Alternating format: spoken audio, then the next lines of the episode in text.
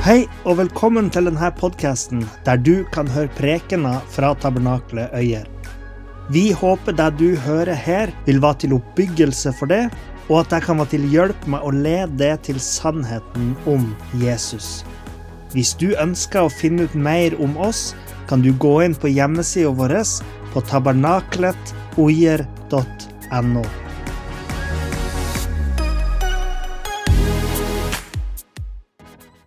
Vi snakker om eh, bygdeblikk, denne serien der vi retter blikket litt mot eh, bygda vår. Og eh, tanken er jo at sånn som apostlene begynte sitt oppdrag i Jerusalem, så begynner vi vårt oppdrag her i bygda vår, det som er vårt Jerusalem. Og så kan man ha en drøm eller en visjon eller et mål om at det skal gi ringvirkninger utover, som de sa, først i Jerusalem, deretter i Judea, Samaria og hele verden. Og vi kan tenke Øyer, 13, Gudbrandsdalen og Norge.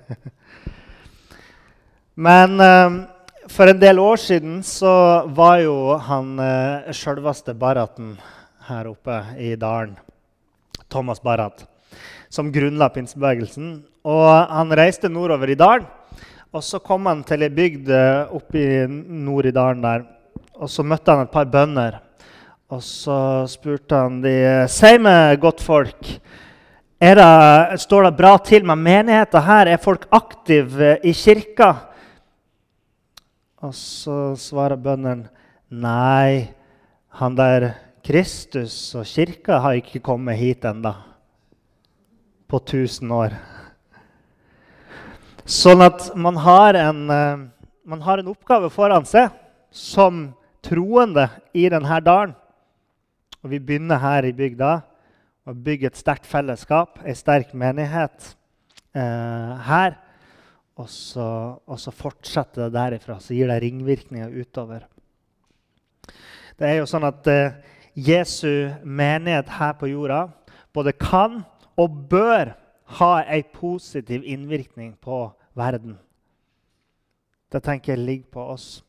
Og eh, Jeg vet ikke om alle var her da, men vi hadde besøk av en eh, ja, relativt kjent forkynner, eh, Kjell Halltorp, som kom hit ens ærend fordi han hadde fått noe fra Gud som han hadde lyst til å dele med oss.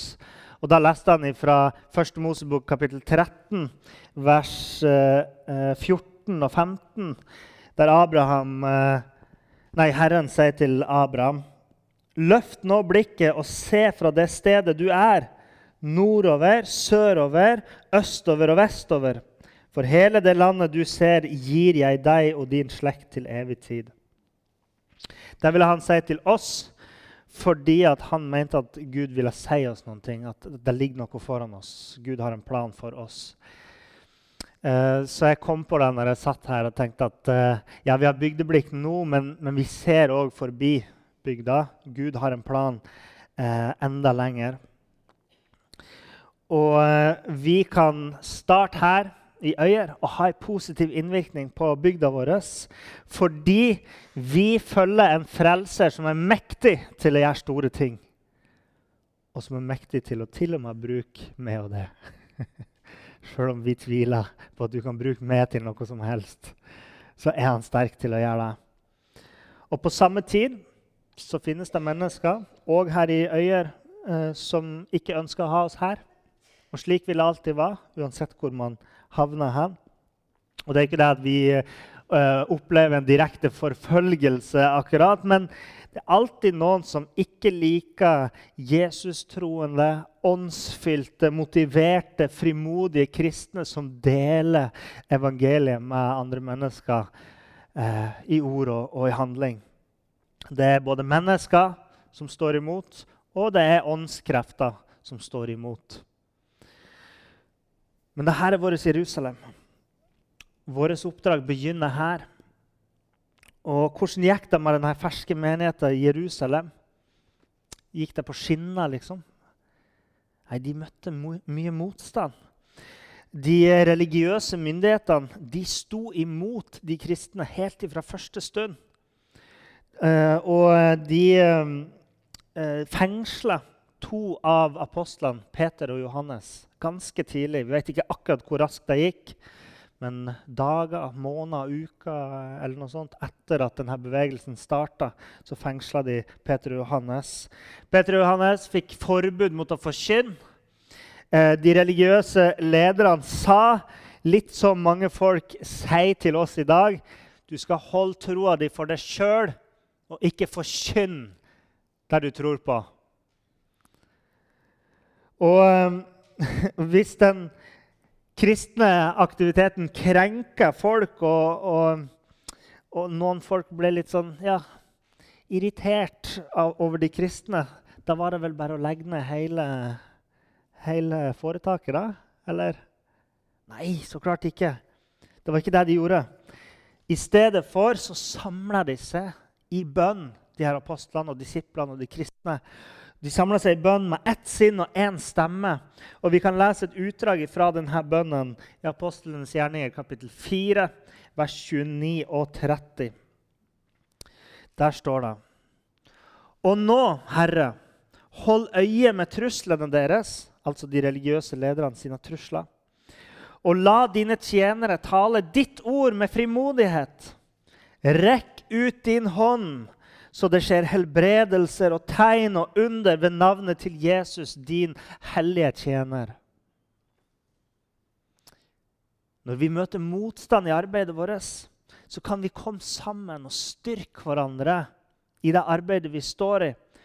Sjøl om noen gang er den største utfordreren vår egen stemme i hodet som sier at uh, 'jeg vil heller ha det behagelig enn å ha det ubehagelig'.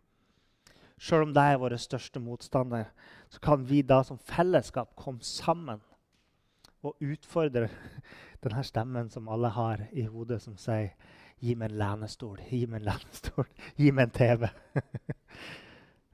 så altså Sjøl apostlene, når de møtte motstand utenfra, hva var det de gjorde?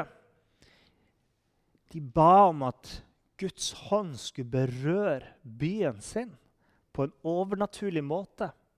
La det komme helbredelser og tegn og under ved Jesu navn. Kom med din hånd. Det var en guddommelig kjærlighet som hadde blitt lagt ned i de her apostlene, som gjorde at de kunne be for byen sin, at Guds kraft skulle bli synlig. Det er som om de ber for sine fiender, fordi ikke lenge før det her så, så, var byen som en stor mobb som ropte om at Jesus skulle korsfestes. Men her så jobba apostlene for frelsen til Jerusalem. En ting som er litt interessant, er jo at jeg tror vi her kan se at det har skjedd en forandring i Johannes, disippelen til Jesus, apostelen Johannes. Eh, det var en gang eh, at han var sammen med Jesus. Og der var det noen samaritanere som ikke ville gi Jesus husly eller husrom. Fikk ikke bo der. Og Da sa Johannes og broren hans til Jesus.: Vil du at vi skal la ild fare ned fra himmelen og fortære dem? Ja, ganske voldsomme greier de ba om. Men Jesus svarte nei. For menneskesønnen er ikke kommet for å ødelegge menneskeliv, men for å frelse. Så når menneskene i Jerusalem når de ikke ville ta imot eh, Johannes og apostlene, så hva gjør Johannes nå? Ber om ild og svovel? Nei, nå ber han sammen med de andre om at Guds frelsende hånd skulle bryte igjennom ved Jesu navn. Det er en forandring der. For nå hadde han ikke Jesus som sto ved siden av hans og sa nei, ikke be sånne bønner. Men nå kom deg ved Den hellige ånd en sånn bønn for Jerusalem, for menneskene der. De ville forandre sitt Jerusalem og til slutt hele verden. Og Et av mine yndlingsvers i Apostelens gjerninger, vet dere ikke det er? Det er eh, et vers som, Ei en setning som er uttalt av noen av de kristne sine fiender i Tessalonika. tror jeg Det Det står i Apostelens gjerninger kapittel 17, vers 6. Eh, og Der sier de disse som har snudd verden opp ned, er også kommet hit. For et vitnesbyrd! De her som har snudd verden opp ned og kommet hit. Verden var altså i endring. Slik opplevde de det, de her kristne, at de snudde verden opp ned. Verden var i endring. Dere skjønner, Vi er jo ikke i himmelen enda. Og eh, når Jesus sier at i Han så kan vi finne hvile, så må vi ikke vi forstå det som en unnskyldning til å være lat i vårt bønneliv og i vår nestekjærlighet. Tingen er at sånn at Verden er jo full av vennlighet, men den er òg full av synd. Og ting som fordommer og fattigdom og rasisme og sykdom og ensomhet Det er òg en del av hverdagen vår. Når det gjelder å elske bygda eller å elske lokalsamfunnet vårt, eh, så må vi elske menneskene òg ved å gjøre det vi kan for å bekjempe syndens eh, påvirkning på samfunnet vårt. De her ødeleggende områdene som ødelegger liv, som berører vårt neste. Enten det er naboene våre, eh, om, er, om de er innvandrere, eller om det er venner som er berørt av diskriminering på jobben, eller hva det skal være for noen ting. Eh, altså, folk de lever med splitta familier. Eh, barn vokser opp i andre hjem enn sammen med sine foreldre. Det er så mange ting. Ødelagte sjølbilder. Og hvis dette ikke er vårt ansvar som Jesu representanter her på jord, hvem sitt ansvar er det? Hvis ikke vi gjør det, hvem skal gjøre det? En eh, kompis han, eh, han eh, ble så overraska over at jeg hadde lest en sånn tjukk bok. Og så, og så tulla jeg og sa ja, men hvis ikke jeg gjør det, hvem skal gjøre det, da? men her så mener jeg at hvis ikke vi gjør det, hvem skal gjøre det? For hvem andre har blitt gitt det ansvaret? Hvem andre har blitt gitt forvaltningsoppgaven? Må vise Guds kjærlighet til mennesker.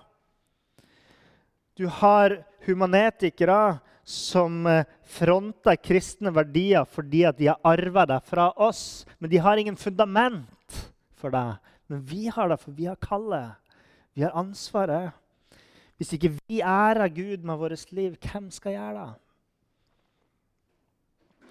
Når vi velger å ikke tolerere den dårlige behandlinga av vår neste i bygda vår og i samfunnet vårt, så tar vi et standpunkt om å ikke la samfunnet vårt være et sånn knutepunkt for negativitet og destruktive krefter og, og synd.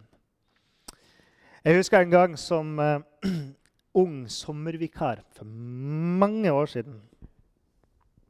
Ti år siden, kanskje.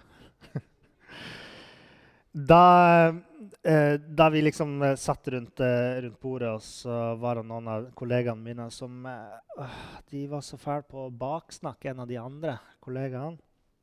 Og han som de baksnakka, var jo ikke akkurat et sånn veldig moralsk forbilde på noen som helst måte. for å si det sånn. Men den negative liksom, mølja som bare veller ut av de folkene så Jeg ble litt lei av det, og så sa jeg vet du ikke, nå syns dere skal slutte å baksnakke han så mye. Jeg, jeg, tror ikke det er noe bra.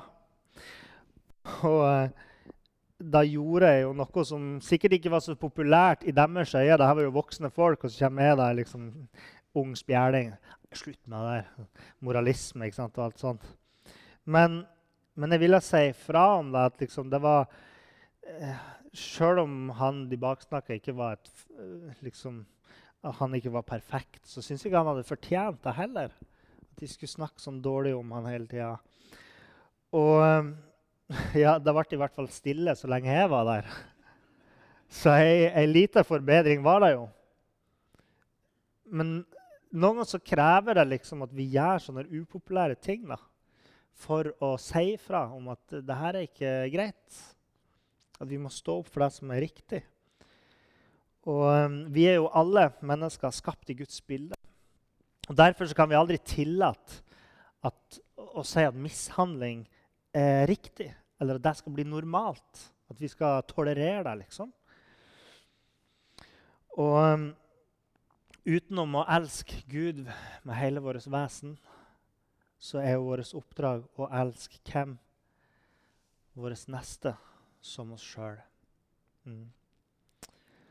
Som mennesker, som kristne, så er vi nødt til å se denne virkeligheten i øynene. Nemlig det at vi er ikke i himmelen enda.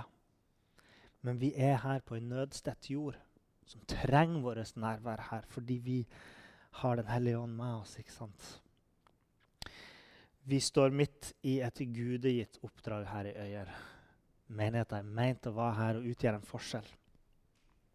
Og er det ikke fascinerende, som Kjersti snakka om forrige søndag, da israelittene, eller jødene, hadde blitt ført ut i eksil i en fremmed by, et fremmed, fremmed land, egentlig et fiendeland.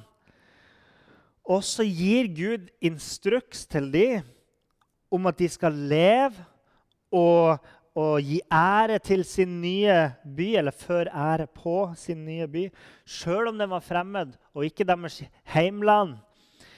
Og Israelittene måtte ha følt seg ganske malplassert der. Akkurat som flyktninger i dag.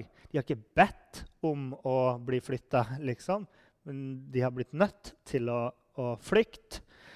Og de kom der, men likevel så ber Gud om å gjøre mest mulig ut av det.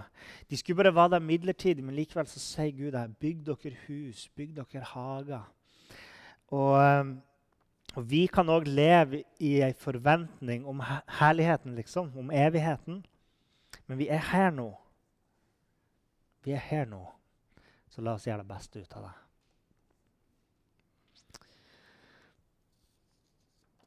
Og god oppmuntring er jo det at vi står ikke alene om det.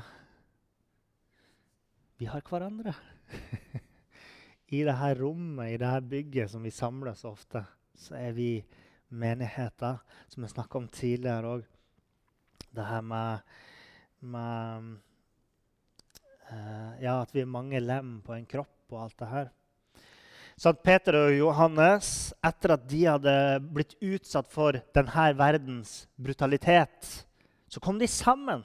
De gikk til sine egne, står det. Til de andre troende. Og hva var det de gjorde? Gikk de hjem til sine egne private, hemmelige, personlige lønnekammer og ba en stille, hemmelig bønn? Nei, de samla seg og eh, ba en felles bønn, samstemt, høylytt, tenker jeg, sånn at de, de alle hørte hva de ba om. Og um, Det står at de var eh, ett hjerte og én sjel. Og Lukas han låner nok her en gammel gresk talemåte der man sier det her at man var ett hjerte eller én sjel, som betyr at man var tett og gode venner nære venner. Og De delte til og med på eiendelene sine og delte ut til de fattige og til de som hadde behov for det. Og det Å ha et sånt fellesskap er så viktig, for det er så mange ting her i verden som vi ikke får til alene. Vi mennesker opererer i fellesskap, vi er skapt til å operere i fellesskap. Og vi har blitt så kunnskapsmessig rik og teknologisk eh, avansert at mange av gjenstandene vi omgir oss med, kan ikke lages av ett menneske. Ok, Ta telefonen min, f.eks. Det finnes ikke ett menneske jeg er ganske sikker på det, det finnes ikke ett menneske som er i stand til å lage denne telefonen fra bunnen av. Vet du hvorfor det er? Fordi at den er så avansert at ett enkelt menneske har ikke kompetansen som skal til for å først bygge en kjempestor gravemaskin og en kjempestor dumper for å grave ut metallet som skal til for å produsere den. De har ikke evnene til en geolog som går ut i skogen og finner ei åre med et metall som de må ha. Eh, det, altså, det, er så mange komponenter, så mange ting som skal til sant, for å få det til. Sånn er det i menigheter òg. Det burde i hvert fall være det. At man, eh, sammen som en kropp har så mange oppgaver at liksom menighetsarbeidet kan ikke lenger utføres av bare én person. Um, Paulus skriver jo sant, 1. Korinterbrev kapittel 12, vers 24-27. Men Gud satte kroppen sammen slik at han ga større ære til det lemmet som mangler ære, for at det ikke skal være splittelse i legemet, men lemmene har samme omsorg for hverandre. Om ett lem lider, da lider alle lemmene med. Og om ett lem blir hedret, da gleder alle lemmene seg. Dere er Kristi legeme og hver for seg hans lemmer. Hver del trenger den andre. Dette har jeg snakka om før. i denne serien. Uansett hvor forskjellig man er, så trenger vi de her forskjellige lemmene. Det er ingen kroppsdel som har rett til å tro eller tenke at den er bedre enn de andre. Kanskje noen har viktigere oppgaver. Det er for så vidt ikke poenget mitt, men? Eh, den, den som satte sammen alle delene i telefonen, han har jo en ganske viktig oppgave. Men han er ikke bedre liksom, enn de andre for det. Han er ikke over dem. Og eh, som kristne så må vi avstå fra å heve visse roller og si at de er mer verdt enn de andre. Pastorer og myndighetspersoner og kjendiser, eller de som eventuelt skulle du skulle like bedre enn de andre, de er ikke viktigere enn la oss si, den lokale bonden eller han som driver snekkerverkstedet her borte. Eller, eller, de som driver blomsterbutikken. Vi er jo like mye verdt, på en måte. Vi er alle skapt i Guds bilde. sant? Vi har forskjellige oppgaver, forskjellige ansvarsområder. Men alle de her menneskene har jobber, de har titler eh, som tjener et bestemt formål her i samfunnet vårt. Derfor er alt dette nødvendig for at bygda vår skal fungere godt i lag. Vi skal ha god framgang. Og vårt liv er en del av denne sirkelen. Vi som kristne er en del av denne sirkelen, om vi vil det eller ei. Og er avhengig av at vi alle gjør vår del for å hjelpe når vi kan. Og vi vil være avhengig av hverandre. Er det noen som har hatt problemer med bilen noen gang?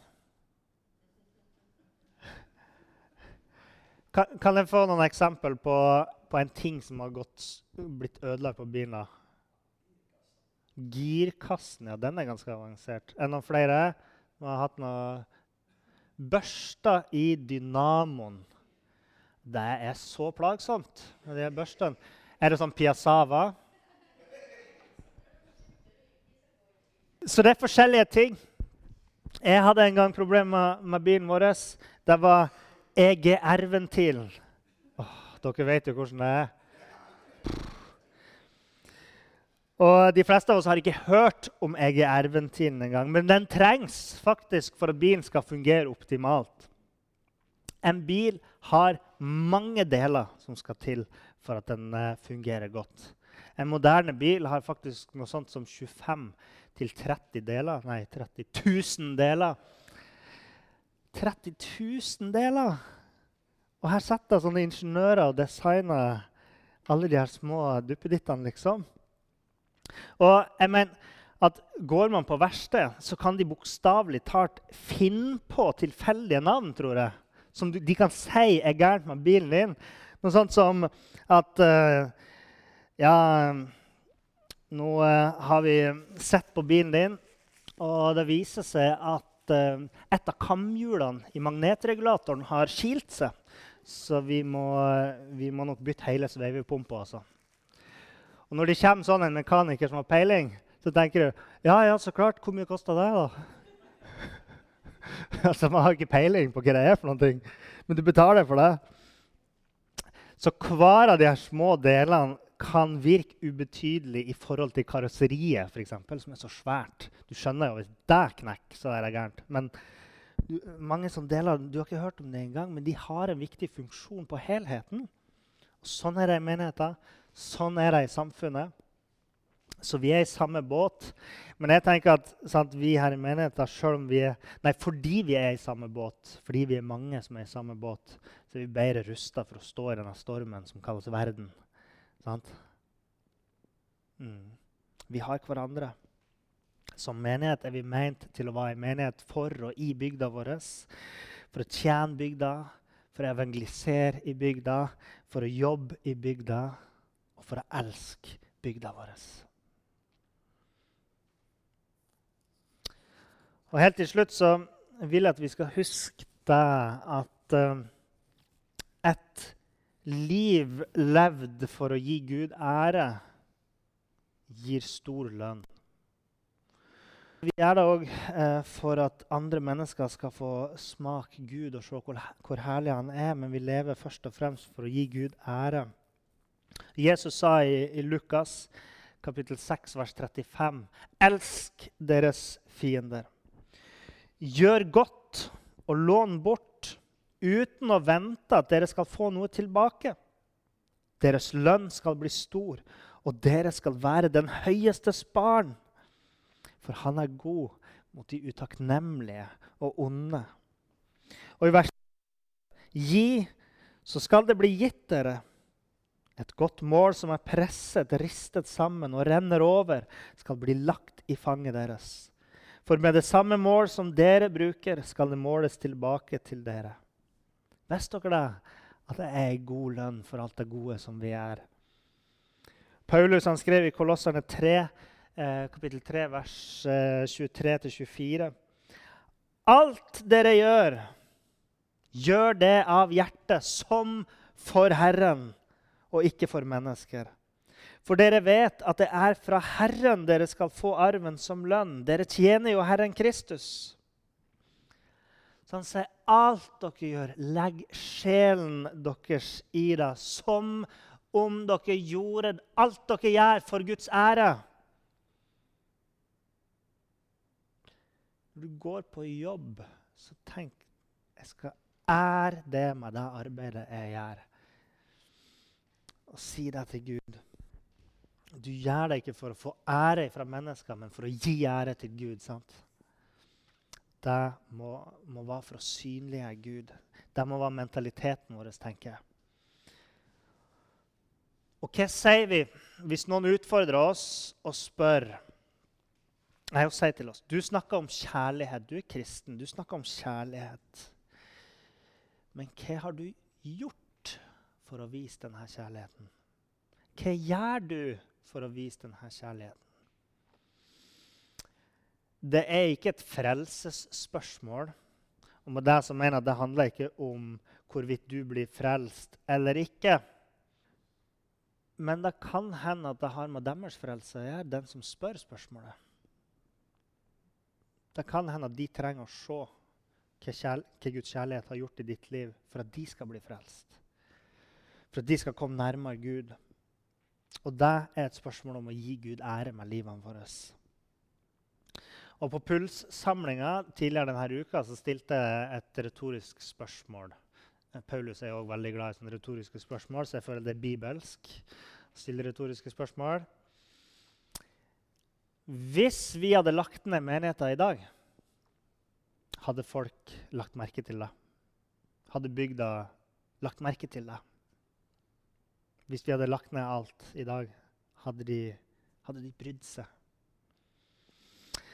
Du vet, Det står i profeten Jesaja, kapittel 58, fra vers 6, og jeg skal avslutte med de her ordene.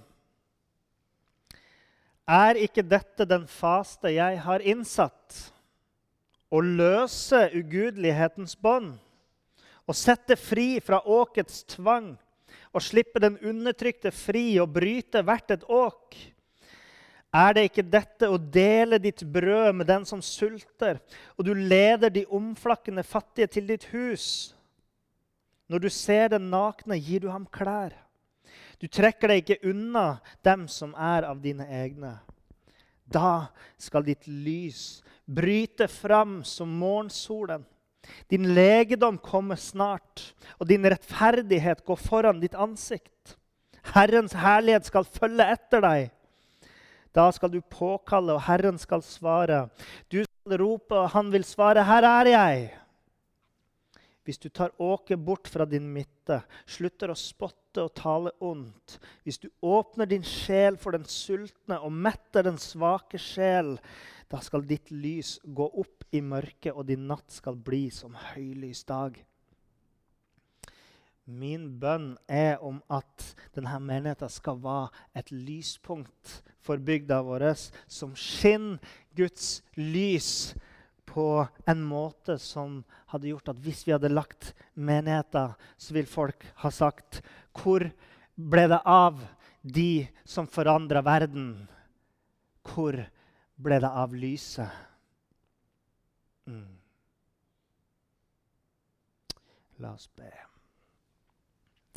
Herre, um, takk for ditt ord som inspirerer oss. Eh, far, jeg ber om at du fyller oss med mer av din kjærlighet, mer av denne nestekjærligheten som Jesus var så utrolig dyktig på å vise. Han som til og med la ned sitt eget liv for vår skyld, sånn at vi ved tro på Han kan få arv evig liv. Far, jeg ber om at du skal hjelpe oss til å være bedre vitner for din sak. At livene våre her i bygda virkelig kan være med å gi ære til det.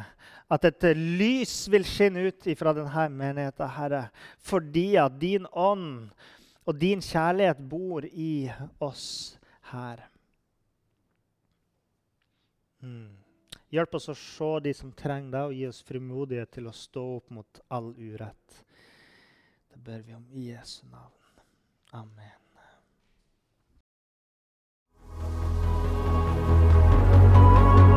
Takk for at du hørte på.